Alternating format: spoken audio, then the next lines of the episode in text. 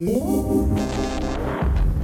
hører på Bitpod, en podkast av BIT Teatergarasjen.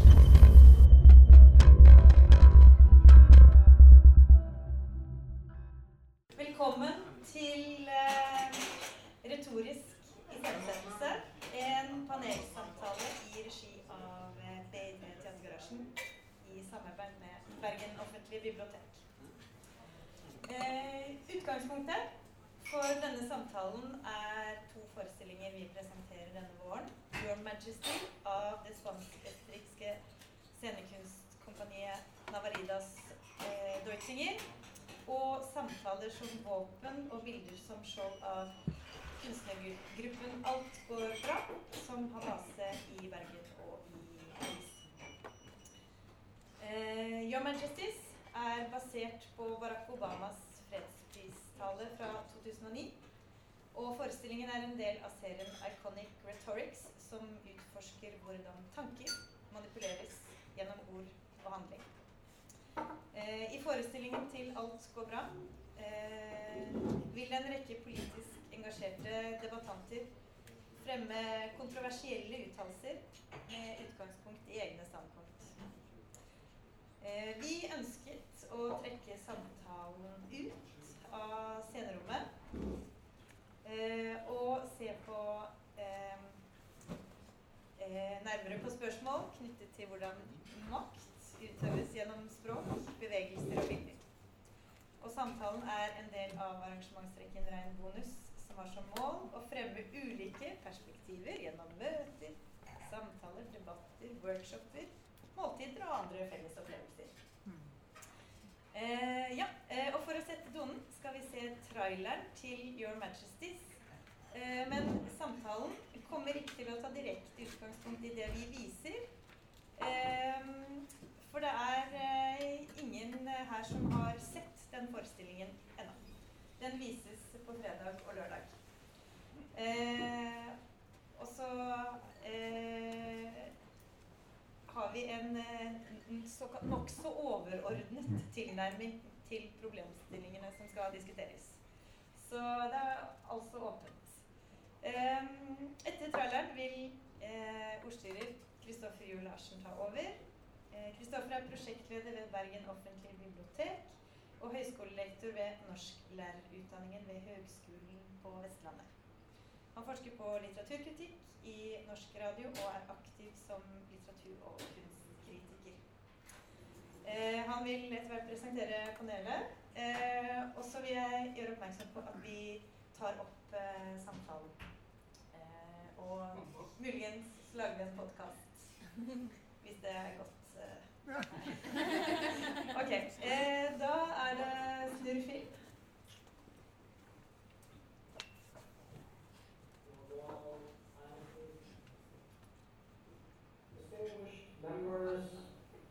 The Norwegian Nobel Committee, citizens of America, and citizens of the world. Violence never brings permanent peace.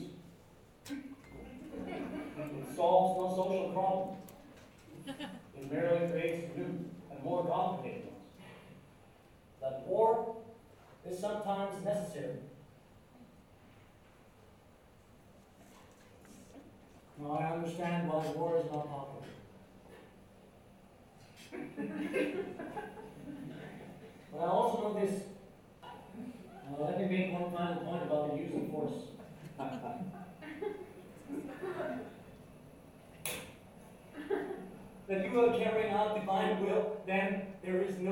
For restraint, no need to hold back.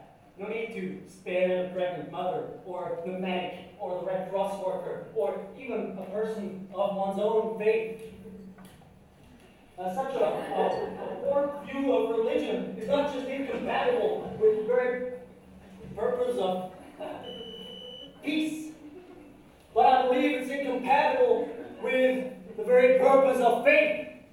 Hope for the chance to, to live our lives with some measure of happiness and, and fulfillment.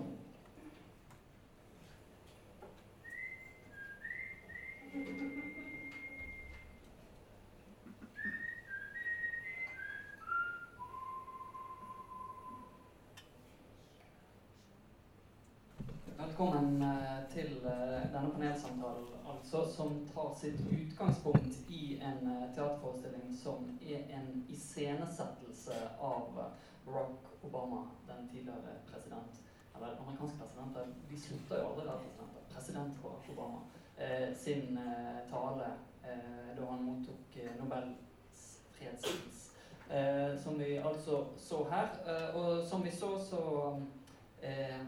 viderebringes mening. Vi uttrykker oss på, på mange ulike eh, måter. Og det er noe av det vi Eller det er utgangspunktet for denne panelsamtalen, som skal, eh, tror jeg, handle om eh, mye rart. Men noe av eh, det, det, som gjør meg interessert i å snakke om dette, er jo at eh, vi står i en eh, en kommunikativ situasjon der det er veldig mange ting som synes vanskelig å snakke om. Og det er mange som synes det er vanskelig å uttrykke seg offentlig. Det er mye som ikke er greit å si. Og samtidig så det aldri, har det aldri vært så mange som har uttrykt seg offentlig. Det har aldri vært så mange ulike stemmer og ulike mennesker og ulike kropper som har eh, kommet til syne i, i offentligheten som eh, i dag. Våger iallfall jeg å påstå. Um, og, og, til å snakke om noen av de eh, spørsmålene som reiser seg i denne situasjonen, da, eh, har vi fått et, et veldig flott eh, panel eh, som viser noe av Eh, styrken i Bergen som kunnskaps- og kulturby, syns jeg. Eh, hvis vi begynner helt ytterst, så er det Edith Bugge, min kollega på Høgskolen på Vestlandet. Eh, hun eh, er sosiolingvist eh, og har jobbet eh, med, med, språk på mange ulike måter. men bl.a. da med hvilke ord er det som er lov å si, hvem er det som har lov å, å si dem. Eh, ved hennes side sitter eh, Jens Kjeldsen, professor i eh, retorikk og visuell kommunikasjon, blir det, ved medvitenskap her på Universitetet i, i Bergen.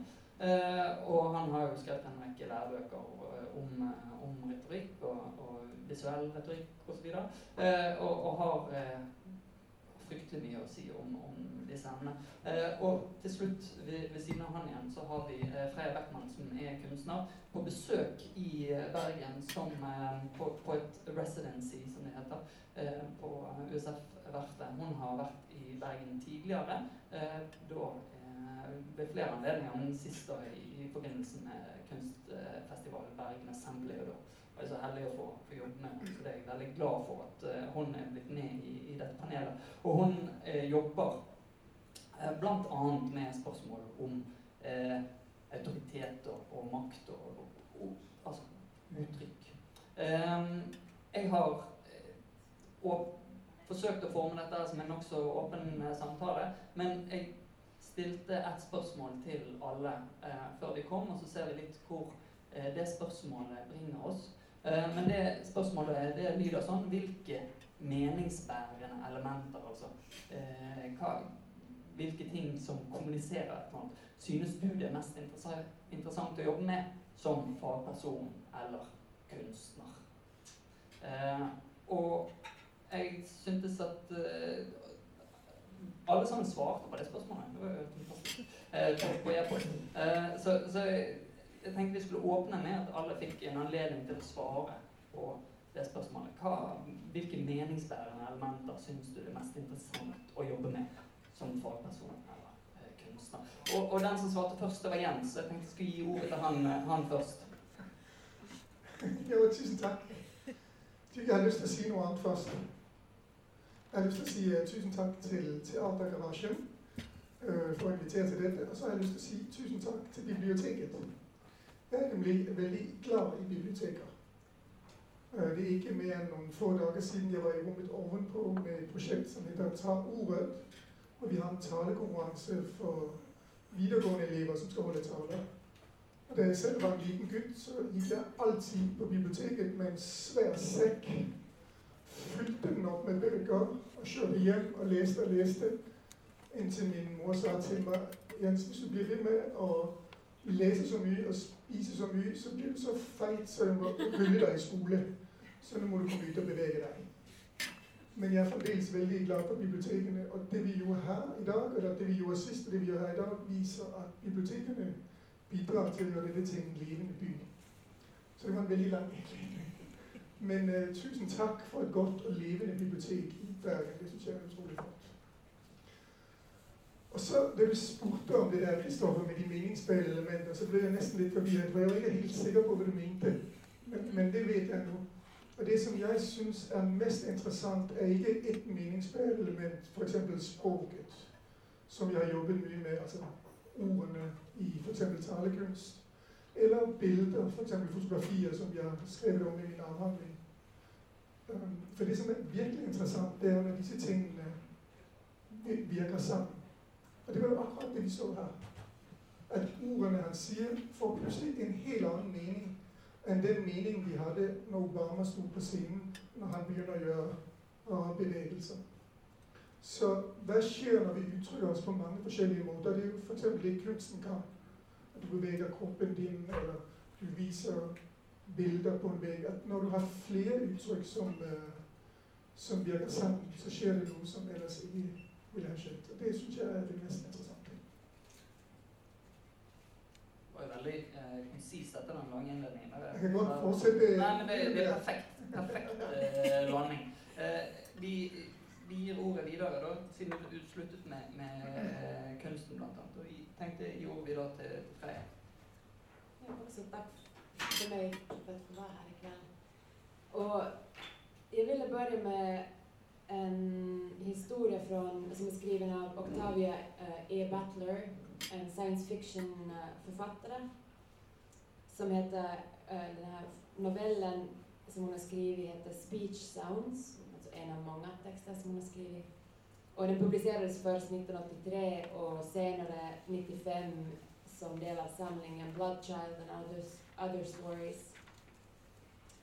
Og denne historien utspiller seg i uh, Los Angeles efter en uh, epidemi eller pandemi uh, som har spritt seg kring verden.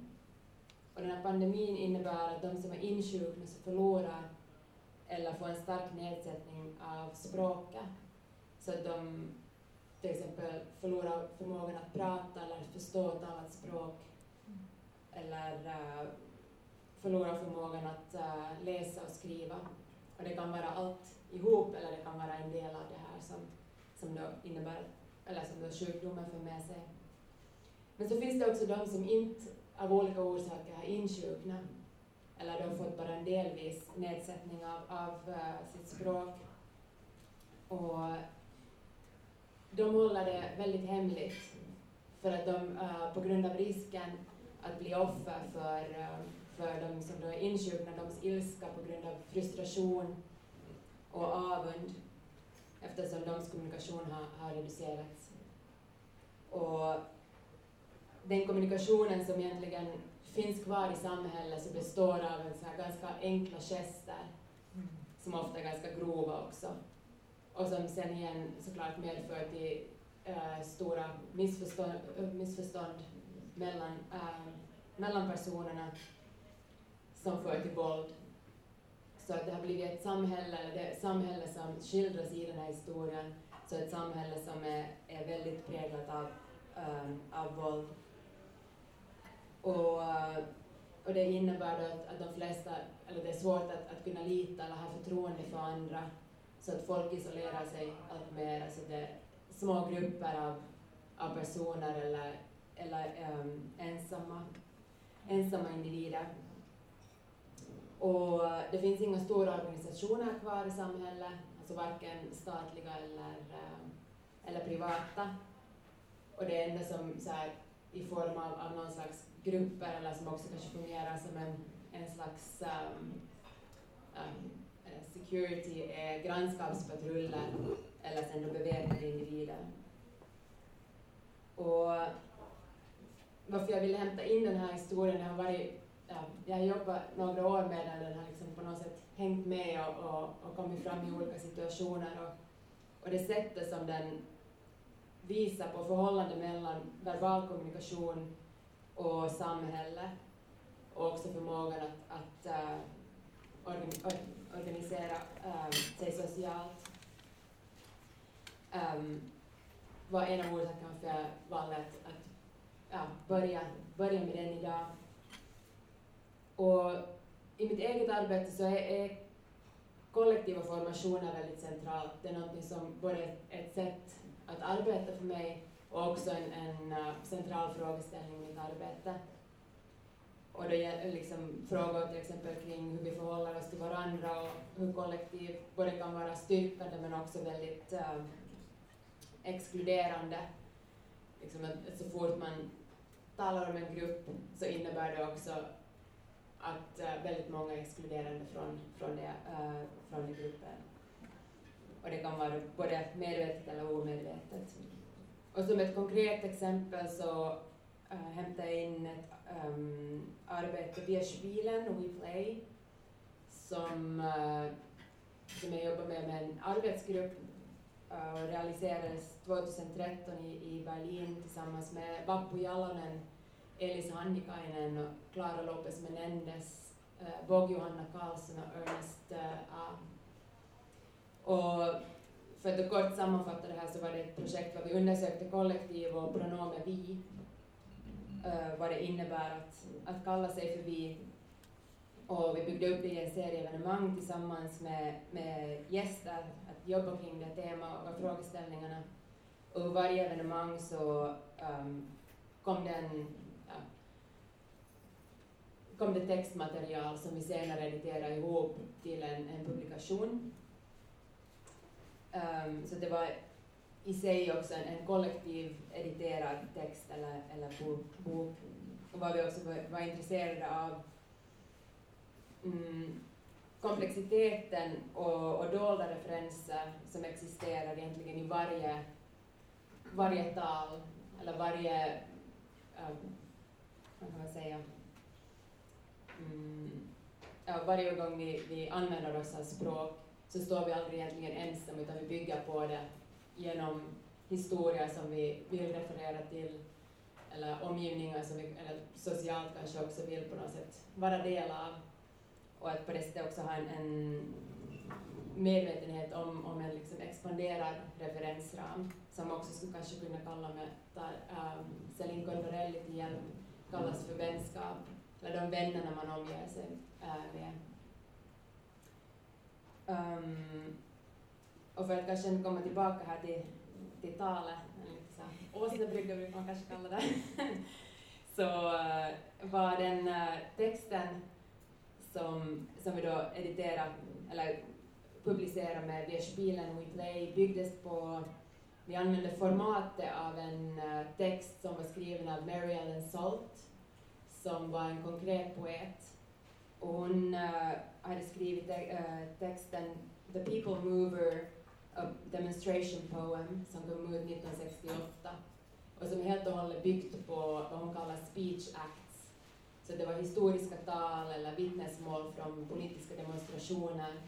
och väldigt mycket satt då i en, en 60-tals USA-kontext. USA, äh, och ja, vi frågade också oss selv at, at da, ska en demonstrationspoem äh, äh, se ut dag. Vilka røster er det som, som borde komme til tals? Og hennes, som hun var en konkret poet, så hun bygde opp hele teksten med liksom et synlig referensverk. Uh, så parallelt med teksten så løper også referensen til det her, så det blir liksom en multivoiced tekst egentlig, even om hun da står som, som författare til den. Jag kanske ska ja, sluta Fint. Jeg tror vi kommer til å komme tilbake til flere av de eh, momentene som du eh, trekker, opp, eh, trekker, opp, der. Eh, Edith, ditt svar på spørsmålet. Hva er det mest interessante å jobbe med? For, for meg, da. Jeg er jo soslingvist. Og det betyr at jeg er interessert, sånn som dere også er, i forhold mellom språk og samfunn. Um, men, men, fra en litt annen vinkel. Men jeg tror at vi har noen møtepunkt i interessen vår både for måten man kan bruke språket på, og eh, opplevelsen av språklaushet og ordløshet. Eh, men som sosiolinguist så er jeg interessert i de spillereglene som gjelder for, for måten vi bruker språket på. Eh, som vi finner igjen på veldig mange ulike eh, plan og nivå, språknivå. Og da har jeg jobba en del med helt det her mikro-mikronivået, lydene f.eks.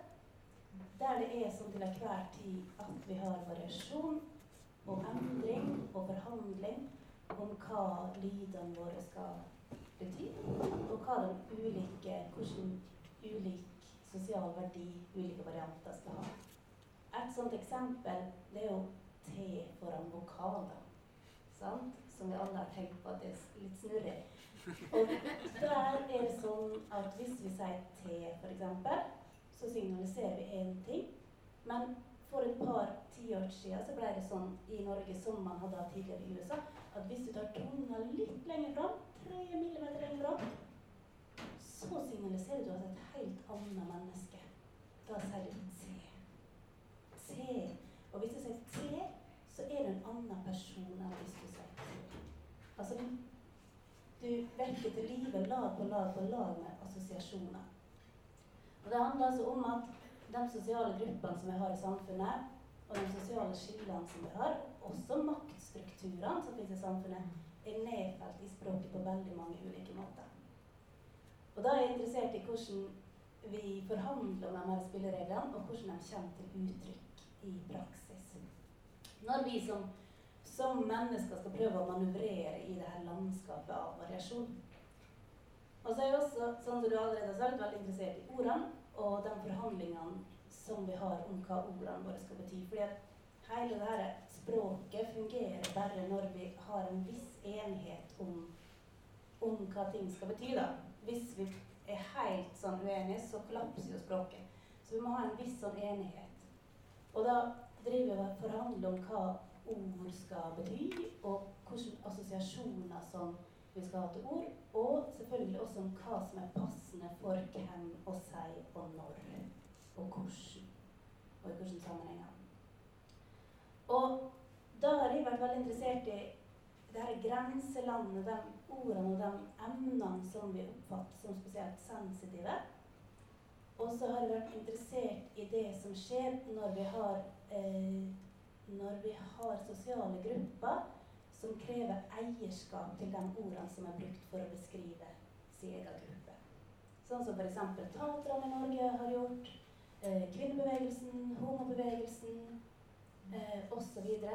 Der man krever eierskap til ord som tidligere er brukt på de grupper på en nedsettende måte f.eks., eller for å opprettholde maktubalanse.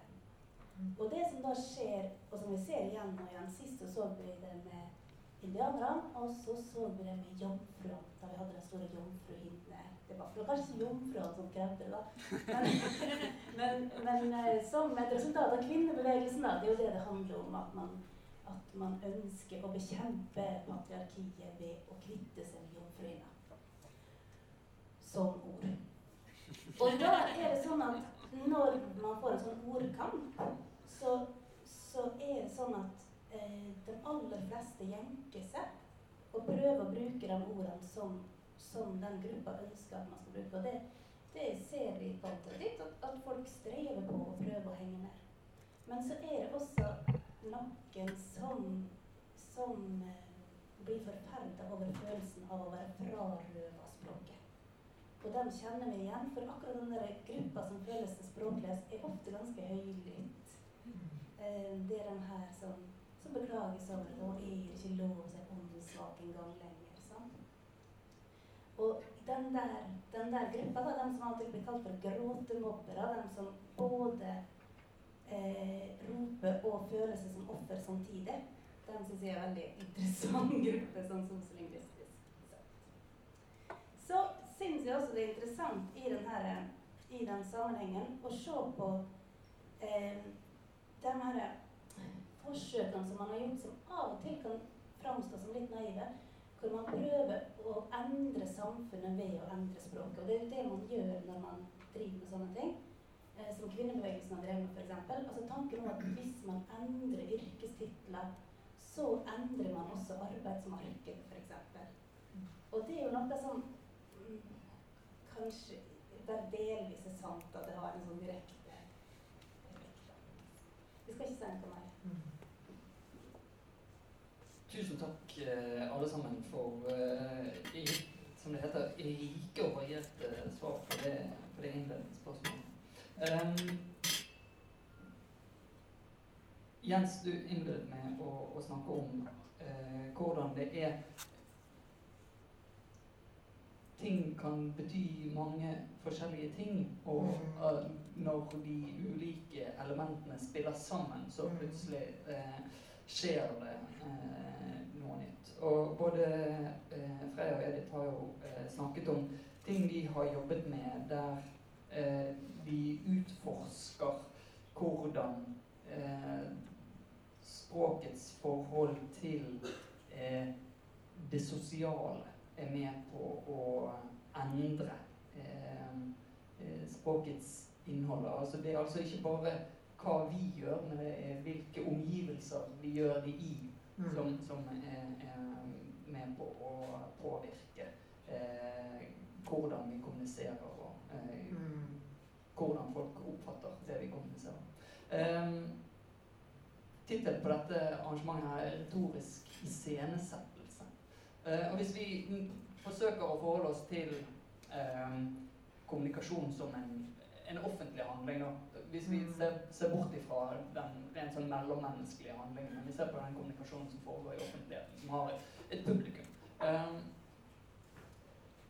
I hva grad eh, påvirkes vår eh, Altså påvirker eh, påvirkes kommunikasjonen av eh, offentlighetens sceniske karakterer, hvis jeg kan, kan spørre om noe. Det at det er en scene vi står på eh, når, vi, når vi snakker eh, i, i offentligheten. Um, hvis du skjønner spørsmålet. Ja. Um, det påvirker mye. Altså Bare det vi sitter her nå, det gjør at institusjonelt så må vi si noe. at Alle dere som sitter ute, får ikke lov å si noe. Du går inn til sjefen din, og han sitter i en stol som er 10 cm høyere enn din stol, så er du allerede plassert i en annen posisjon, en mer ydmyk posisjon. Så på den ene siden kan du si at iscenesettelsen, omstendighetene og kanskje språket selv er med til å begrense hva vi kan si, hvordan vi kan si det, og hvordan vi som individer har makt. Uh, og det er alt fra hvis du blir tatt uten billett på Bybanen, da er det også allerede institusjonelle forhold. Men, men det jeg er opptatt av, det er to øh, myter i forhold til makt og retorikk. Og den ene er at språket og individet har ikke noe særlig makt. For det er egentlig språket som snakker gjennom oss. Når jeg sitter her, så må jeg snakke som en professor, fordi det er. Uh, og i alle de situasjoner du er, så er det språket, uh, institusjonen du er i, settingen som er i, som egentlig bestemmer hva du kan si. Språket språker, sier de på Ja, nemlig, ja. Ikke sant? Og, det kan være hvis du er kvinne, og den andre personen er mann. Så er det forventning om hva skal jeg som mann kunne gjøre. Kanskje jeg skal være litt galant, kanskje jeg skal være sterk. Uh, og kanskje vil jeg ikke klarer å bryte disse normene. Uh, og det tror jeg er riktig, men det gir også den myten at vi ikke har makt. Og noe av det som jeg syns er så gøy med å studere retorikk, det er at jeg ser at språket og du som individ har makt. Nå nevnte jeg den ta-ord-konkurransen. Og det ser vi det. Det er altså unge mennesker, øh, videregående elever, vi lærer dem hvordan man holder tale. Og så ser vi de får mer makt. De lærer alt fra sånn enkle grep, men først og fremst så lærer de å tenke. De lærer å tenke på publikum, de lærer å tenke på hva et godt argument er, og noen ganger oppdager de at jeg har ikke noe godt argument. Så det ene er at, at, øh, at man har makt hvis man tenker seg om og bruker språket riktig og prøve å finne ut hva de egentlig jeg vil oppnå. Og det vi som regel gjør, det er at vi tenker ikke over det. Du begynner bare å snakke. Du tenker ikke strategisk. Og Det høres jo litt, uh, litt dumt ut, ja, nå må vi alle tenke strategisk. Men tenk på de av dere som har barn. Jeg, jeg har selv barn, og jeg tenker jeg vil ønske jeg hadde vært litt mer strategisk noen ganger. Framfor bare å bli drevet vekk av mine egne følelser, min, uh, min frykt eller min sinne. Og tenk strategisk. Hva er det riktig å si når ditt barn gjør noe du ikke bryr deg? Eller din bror. Eller din mor. Eller din lærer. Eller din kamerat. Så, så det ene er at språket har makt, men det andre er at språket har ikke så mye makt som vi ofte tror. Vi, vi, når man hører at jeg jobber med retorikk, så tar det ikke lang tid før noen nevner Hitler. Uh, og det er ut fra en sånn antakelse om at hvis man bare er veldig karismatisk eller har veldig språklige emner, så kan man få alt til. Men det kan man jo ikke. Altså Hvor ofte har jeg sett og sett på debatt på TV, hørt på en tale med noen som er ganske flinke, og så tenker jeg nei, det er bare tull. Så det som på en måte er den retoriske posisjonen, det er at du er i konstant forhandling med språket. Du kan ikke oppnå alt, men du har makt. Og du kan gjøre noe med språket. Du kan gjøre noe med kommunikasjon. Mm. En av de uh, viktige tingene som språket har makt til, og som klarer å utføre, som jeg tror eh, både eh, Edith og, og, du, Freya, var inne på i deres innledninger, er jo dette med å, at språket er med på å definere grupper. Eh, som du sa uh, så fint, at du jobber med kollektive formasjoner og at du hadde jobbet eh, med, og, eh, med begrepet 'vi'. Altså hvem er det som eh, innbefattes i et 'vi', og hvordan konstitueres eh, et 'vi'? Eh, kan du si litt om hva det var som gjorde at dere ønsket å ta i bruk det begrepet og, og bore dypere i, i det vi-et? Mm det hele, eller liksom det projektet börjar som en, en läsegrupp, som kanske också så, för att kontextualisera det här i biblioteket. Um, och det projektet växte ut egentligen ur olika texter som, som vi hade läst och som en grupp som vi hade tillsammans valt um, och hade intresse i. Och det kom, fanns liksom återkommande teman som vi på något sätt fastnade, eller inte fastnade men som, som liksom, ja, som grupp hade något gemensamt intresse i. Och, och det var liksom en av de, en av de kanske så centrala frågorna var just kring det här via och problematiken kring det också. Liksom bara, det kan, någonting som, någonting som vi vill, ja, fick oss att, att vilja liksom jobba, jobba vidare med det på ett, liksom, kanske som, som utgångspunkt någonting, um, någonting som vi kunde se som, som någonting positivt men utan att, att inte också problematisera det, liksom att vara medveten hela vägen om också vad händer det genast vi liksom, genast vi uttrycker ett, ett vi, som jag um, pratade om här tidigare, så, så händer någonting.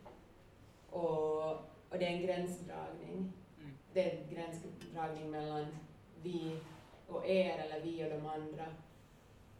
Og, og då, der blir det veldig snabbt uh, svårt og også på mange sett voldsomt. Mm.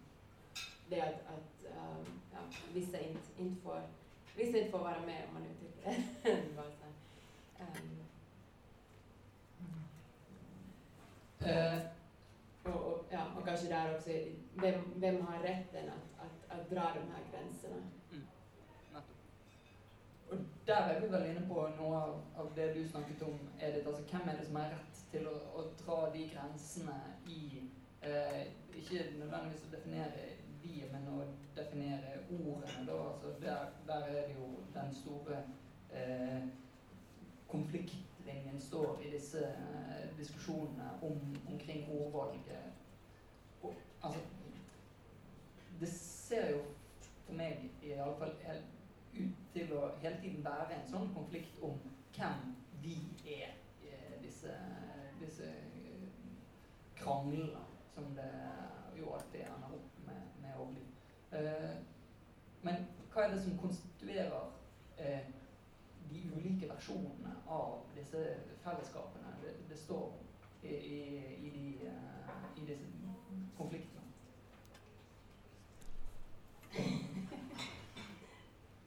Vi er jo alltid til enhver tid flere by og flere fellesskap, så der er det jo litt, litt vanskelig å, å svare på det der på en ordentlig måte. Jeg den gang jeg har jobba med vi, så har jeg faktisk jobba med vi i sånne eh, Jeg har tatt opptak av kaffe, kaffebesøk hjemme hos eh, familien i Romsdal. Og prøvd å se på i løpet av denne samtalen hvordan snakker man om vi der. Og der er det veldig mange vi innenfor en veldig avgrensa kontekst. Men det er noe annet. Nei, når det gjelder altså hvem som er vi, og hvem som har eierskapet til ordene, det er kanskje Mm. det du tenker på. Hvem som, um, hvem som vi, vi sier at har, eller bør ha makta til å definere eh, ordene. Mm. Det er jo noe som, som um, alltid må være under forhandling.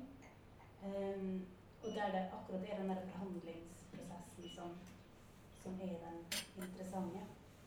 Um, og der vi ser det også, sjøl når vi har grupper som tilsynelatende skulle kunne framstå som ganske sånn enhetlige, da.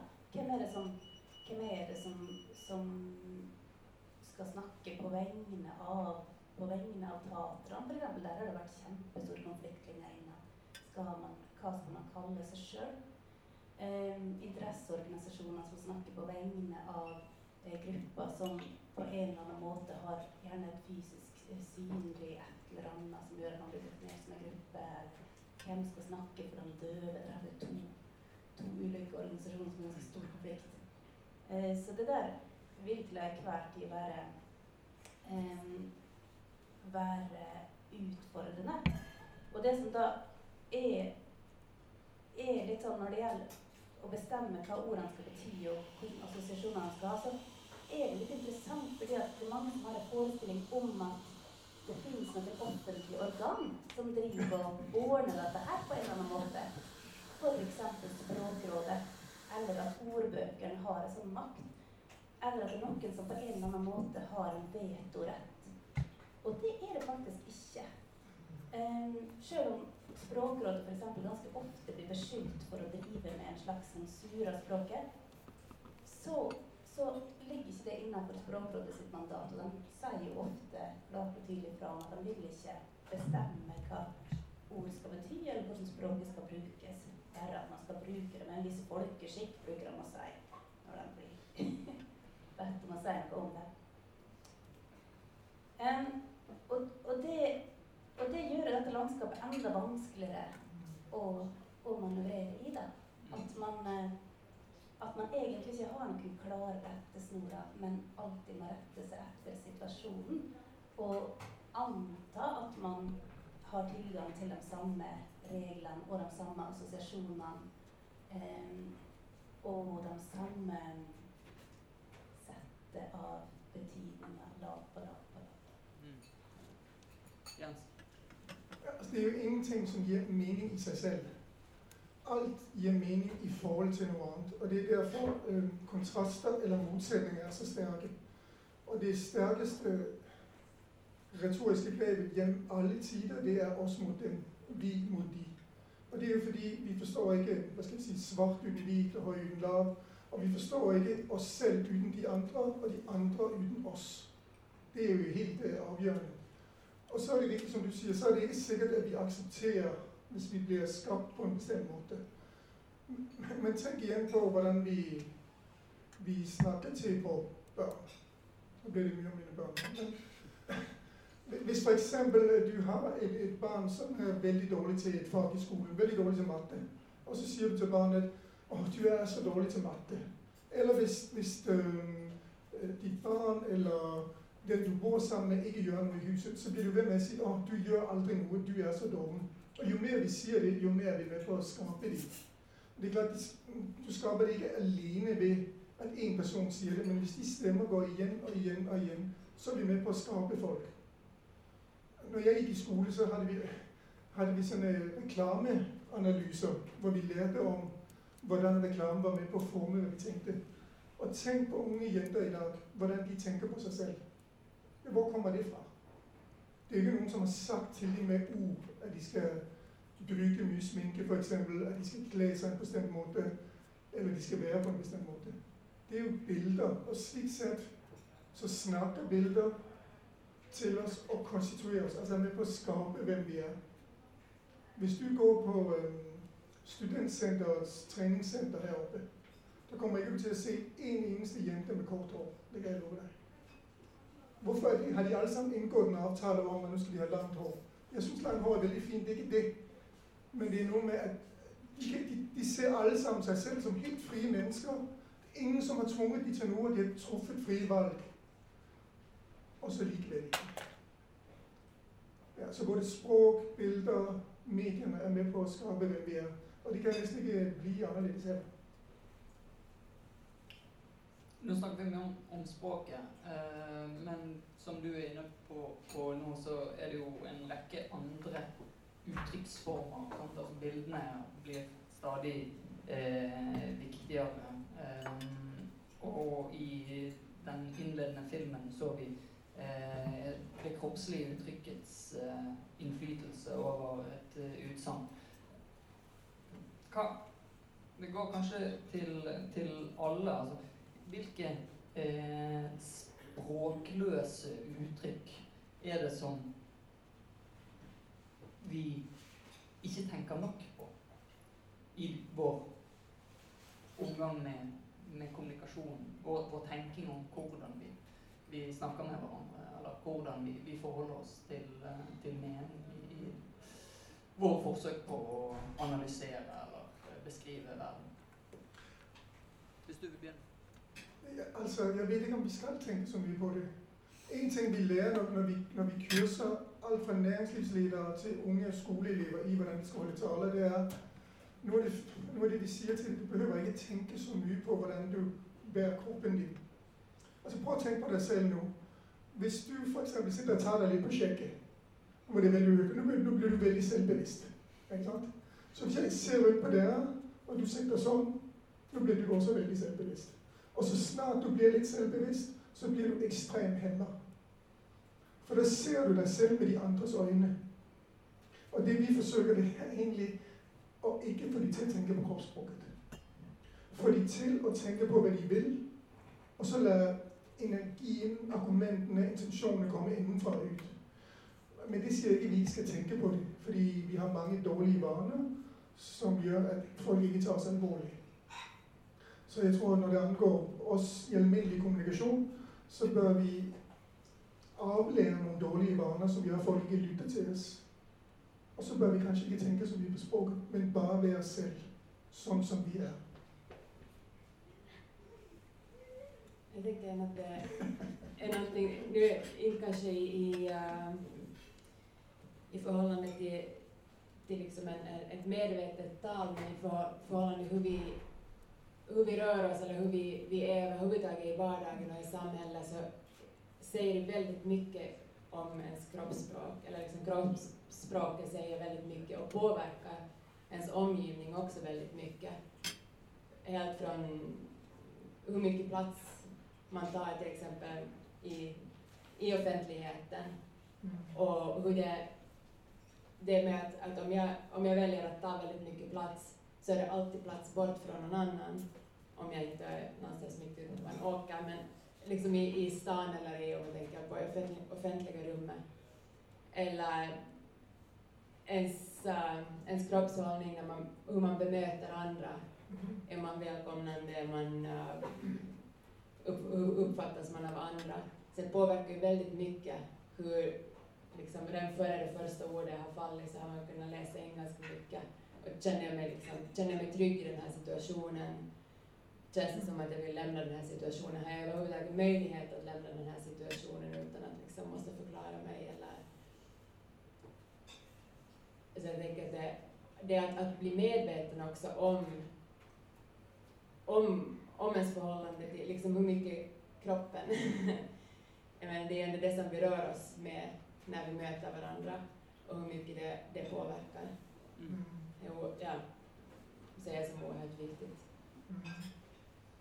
Det, du, du, snakket innledningsvis om at uh, om hvordan lyden påvirker uh, ordene uh, og, og, kommunikasjonen. og det jeg lurte på da, når Jens begynte å snakke om uniformeringen av unge jenter på, på studentsenteret Finner den samme uniformeringen ikke akkurat den samme, men altså noen lignende noen tendenser til uniformeringer av språk, språket vårt fra et lydlig standpunkt. Ja, selvfølgelig. Mm. Og det er det som er grunnlaget for alle. At endringer kan bre seg, da. At det der skje-kje-sammenfallet kunne bre seg så vidt og bredt som det har gjort. Um, nå er det ikke sikkert at alle her vet, hvor dere er så lenge at dere hører ikke forskjell, men at man ikke eh, gjør KJSJ-lyden, kan vi si. Det er jo også en form for, for uniformering der når den spredde seg, så hadde det ikke med at man plutselig mista noe i øret som gjorde at man ikke lenger kunne høre forskjell, eller tunga fikk en sånn en mutasjon som gjorde at man ikke lenger kunne si det. Det hadde å gjøre med at man ønska å signalisere noe sosialt, og at man var en del av en gruppe som hadde den felles. Men det som er så merkundre da, for, for troslingvister, det er at vi det er så forferdelig uforutsigbart hva det er som plutselig får samme verdi som langt hår, f.eks. I en del andre ting med kroppsspråket så kan man jo si at sant, tar du stor plass eller liten plass mm, ja, Det å dra seg i skjegget ser ut til å ha en slags sånn universell eh, den kloke mann-verdi. Men, men, men ellers så er det altså, Når det gjelder lyder, så er det så vanskelig å, å forutse hva som kommer til å få hvilken verdi. Og nettopp hva for noen bitte små lydforskjeller som, som blir brukt til å skille mellom vi og dem. Mm. Um, I uh, Kongenes bok, da, for dem som er glad i Gamle testamentet, så er det så er det et sted der det er et slag, og der det er massakre. Fordi at etter slaget Dette er efraittene som, som gjør det etter slaget at alle som flykter etterpå, de må gå over ei elv et sted hvor det er litt grunt. Og så når de over den elva, så står soldatene klare, og så sier de til dem, så holder de fram etter det jeg har forstått et havregryn, men jeg er ikke så veldig god i hebraisk. Og så blir de bedt om å si hva er dette her? Og så sier de enten Chibolet, eller så sier de sibolet.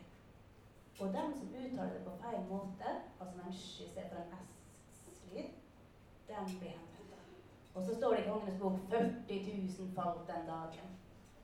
Og da er det sånn at da var det plutselig det, da, om du hadde tunga bøyd bakover eller ikke, som, som, som var det store skillet mellom vi og dem.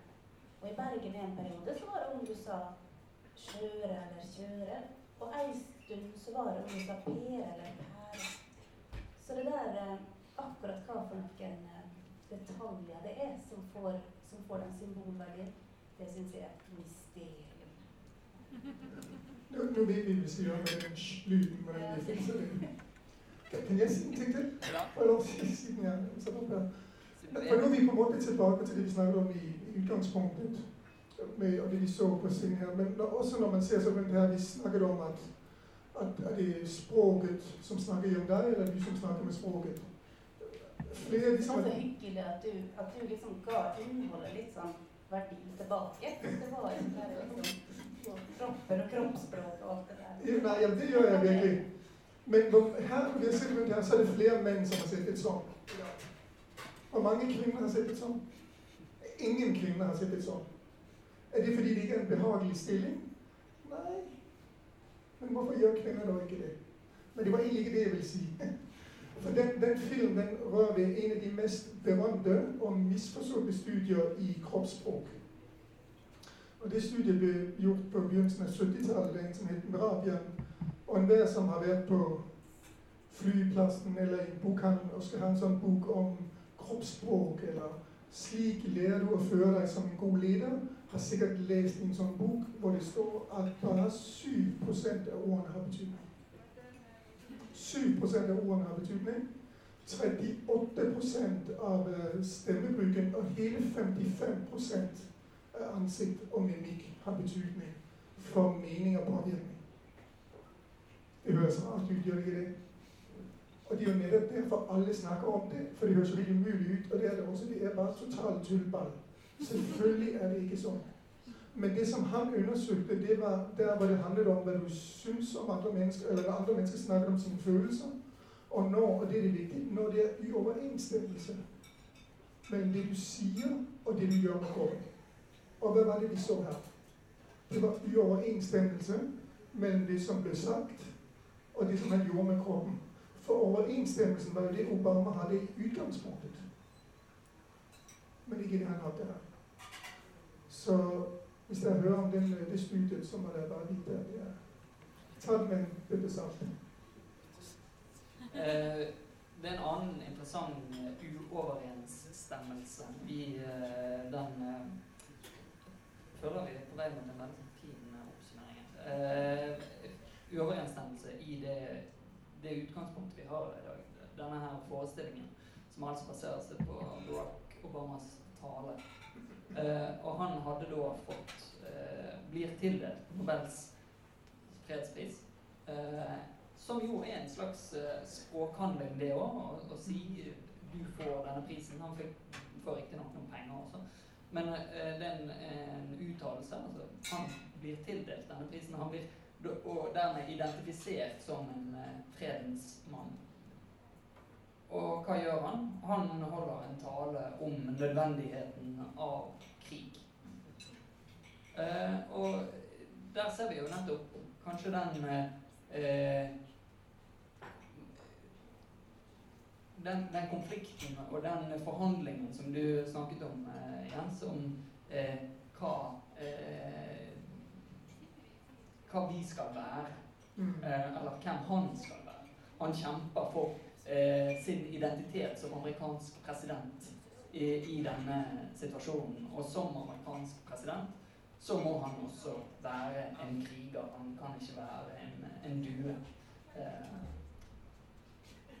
og da eh, tenker jeg at vi kan, eh, kan runde av. Hvis, hvis, det er greit. Skal vi runde av med 'vi må ha krig'? Ja, jeg tenker ikke at vi, vi nødvendigvis må av med det som konklusjon, men at, uh, at i uh, enhver uh, Hver gang noen kaller deg for noe, så er det opp til oss sjøl å ta til motmæle eller akseptere. Ja. Mm. Um, tusen takk for uh, oppmøtet og oppmerksomheten. Og så eh, håper jeg så mange som mulig tar seg tid til å stikke innom Teatergarasjen på fredag eller lørdag. Det er de to dagene man har eh, anledning til det. Og så er det jo en forestilling til. Vil du informere om, om den også? jeg sa så vidt Det skal ikke dette bli noe sånn reklamestøtt. Eh, men eh, jeg sa eh, i innledningen så vidt at vi også har en forestilling med kunstnergruppen Alt går bra, som også tar utgangspunkt i, i et standpunkt, eller kontroversielle standpunkt, men det er knyttet til ulike tenkere. Blant annet på fredag så kommer det en italiensk filosof som heter Diego Fusaro, som er visstnok er ganske eh, kontroversiell i Italia. Eh. Eh, og de skal da fremme sine synspunkter i det som Alt Bra mener er en, en slags Eller de prøver seg på tankene til Pozzolini om manifest for et nytt teater. Så det eh, blir spennende. Det er på Kunsthall 314. Mm. Eh, Your Majesties er på Studio. Eh, mer informasjon som kan finnes i den nå, som ligger rundt omkring. Eh, ja, eh, fantastisk. Eh, takk for alle gode innspill. Den spratt hit og dit som den skulle, denne samtalen. jeg gleder meg til å høre på opptaket. og ja, dette kan vi, kunne ha fortsatt med kjenner jeg. Det er sikkert mange som eh, kunne ha lyst til å prate. Men vi sitter litt til, og så kan vi ta det rundt bordene. Tusen takk til eh, biblioteket. Jeg enig. Eh, vi snakket litt om det eh, før vi begynte. Fantastisk institusjon. Vi er så greie. Vi er så greie. Ja. Ok. Tusen takk, og takk for at dere kom.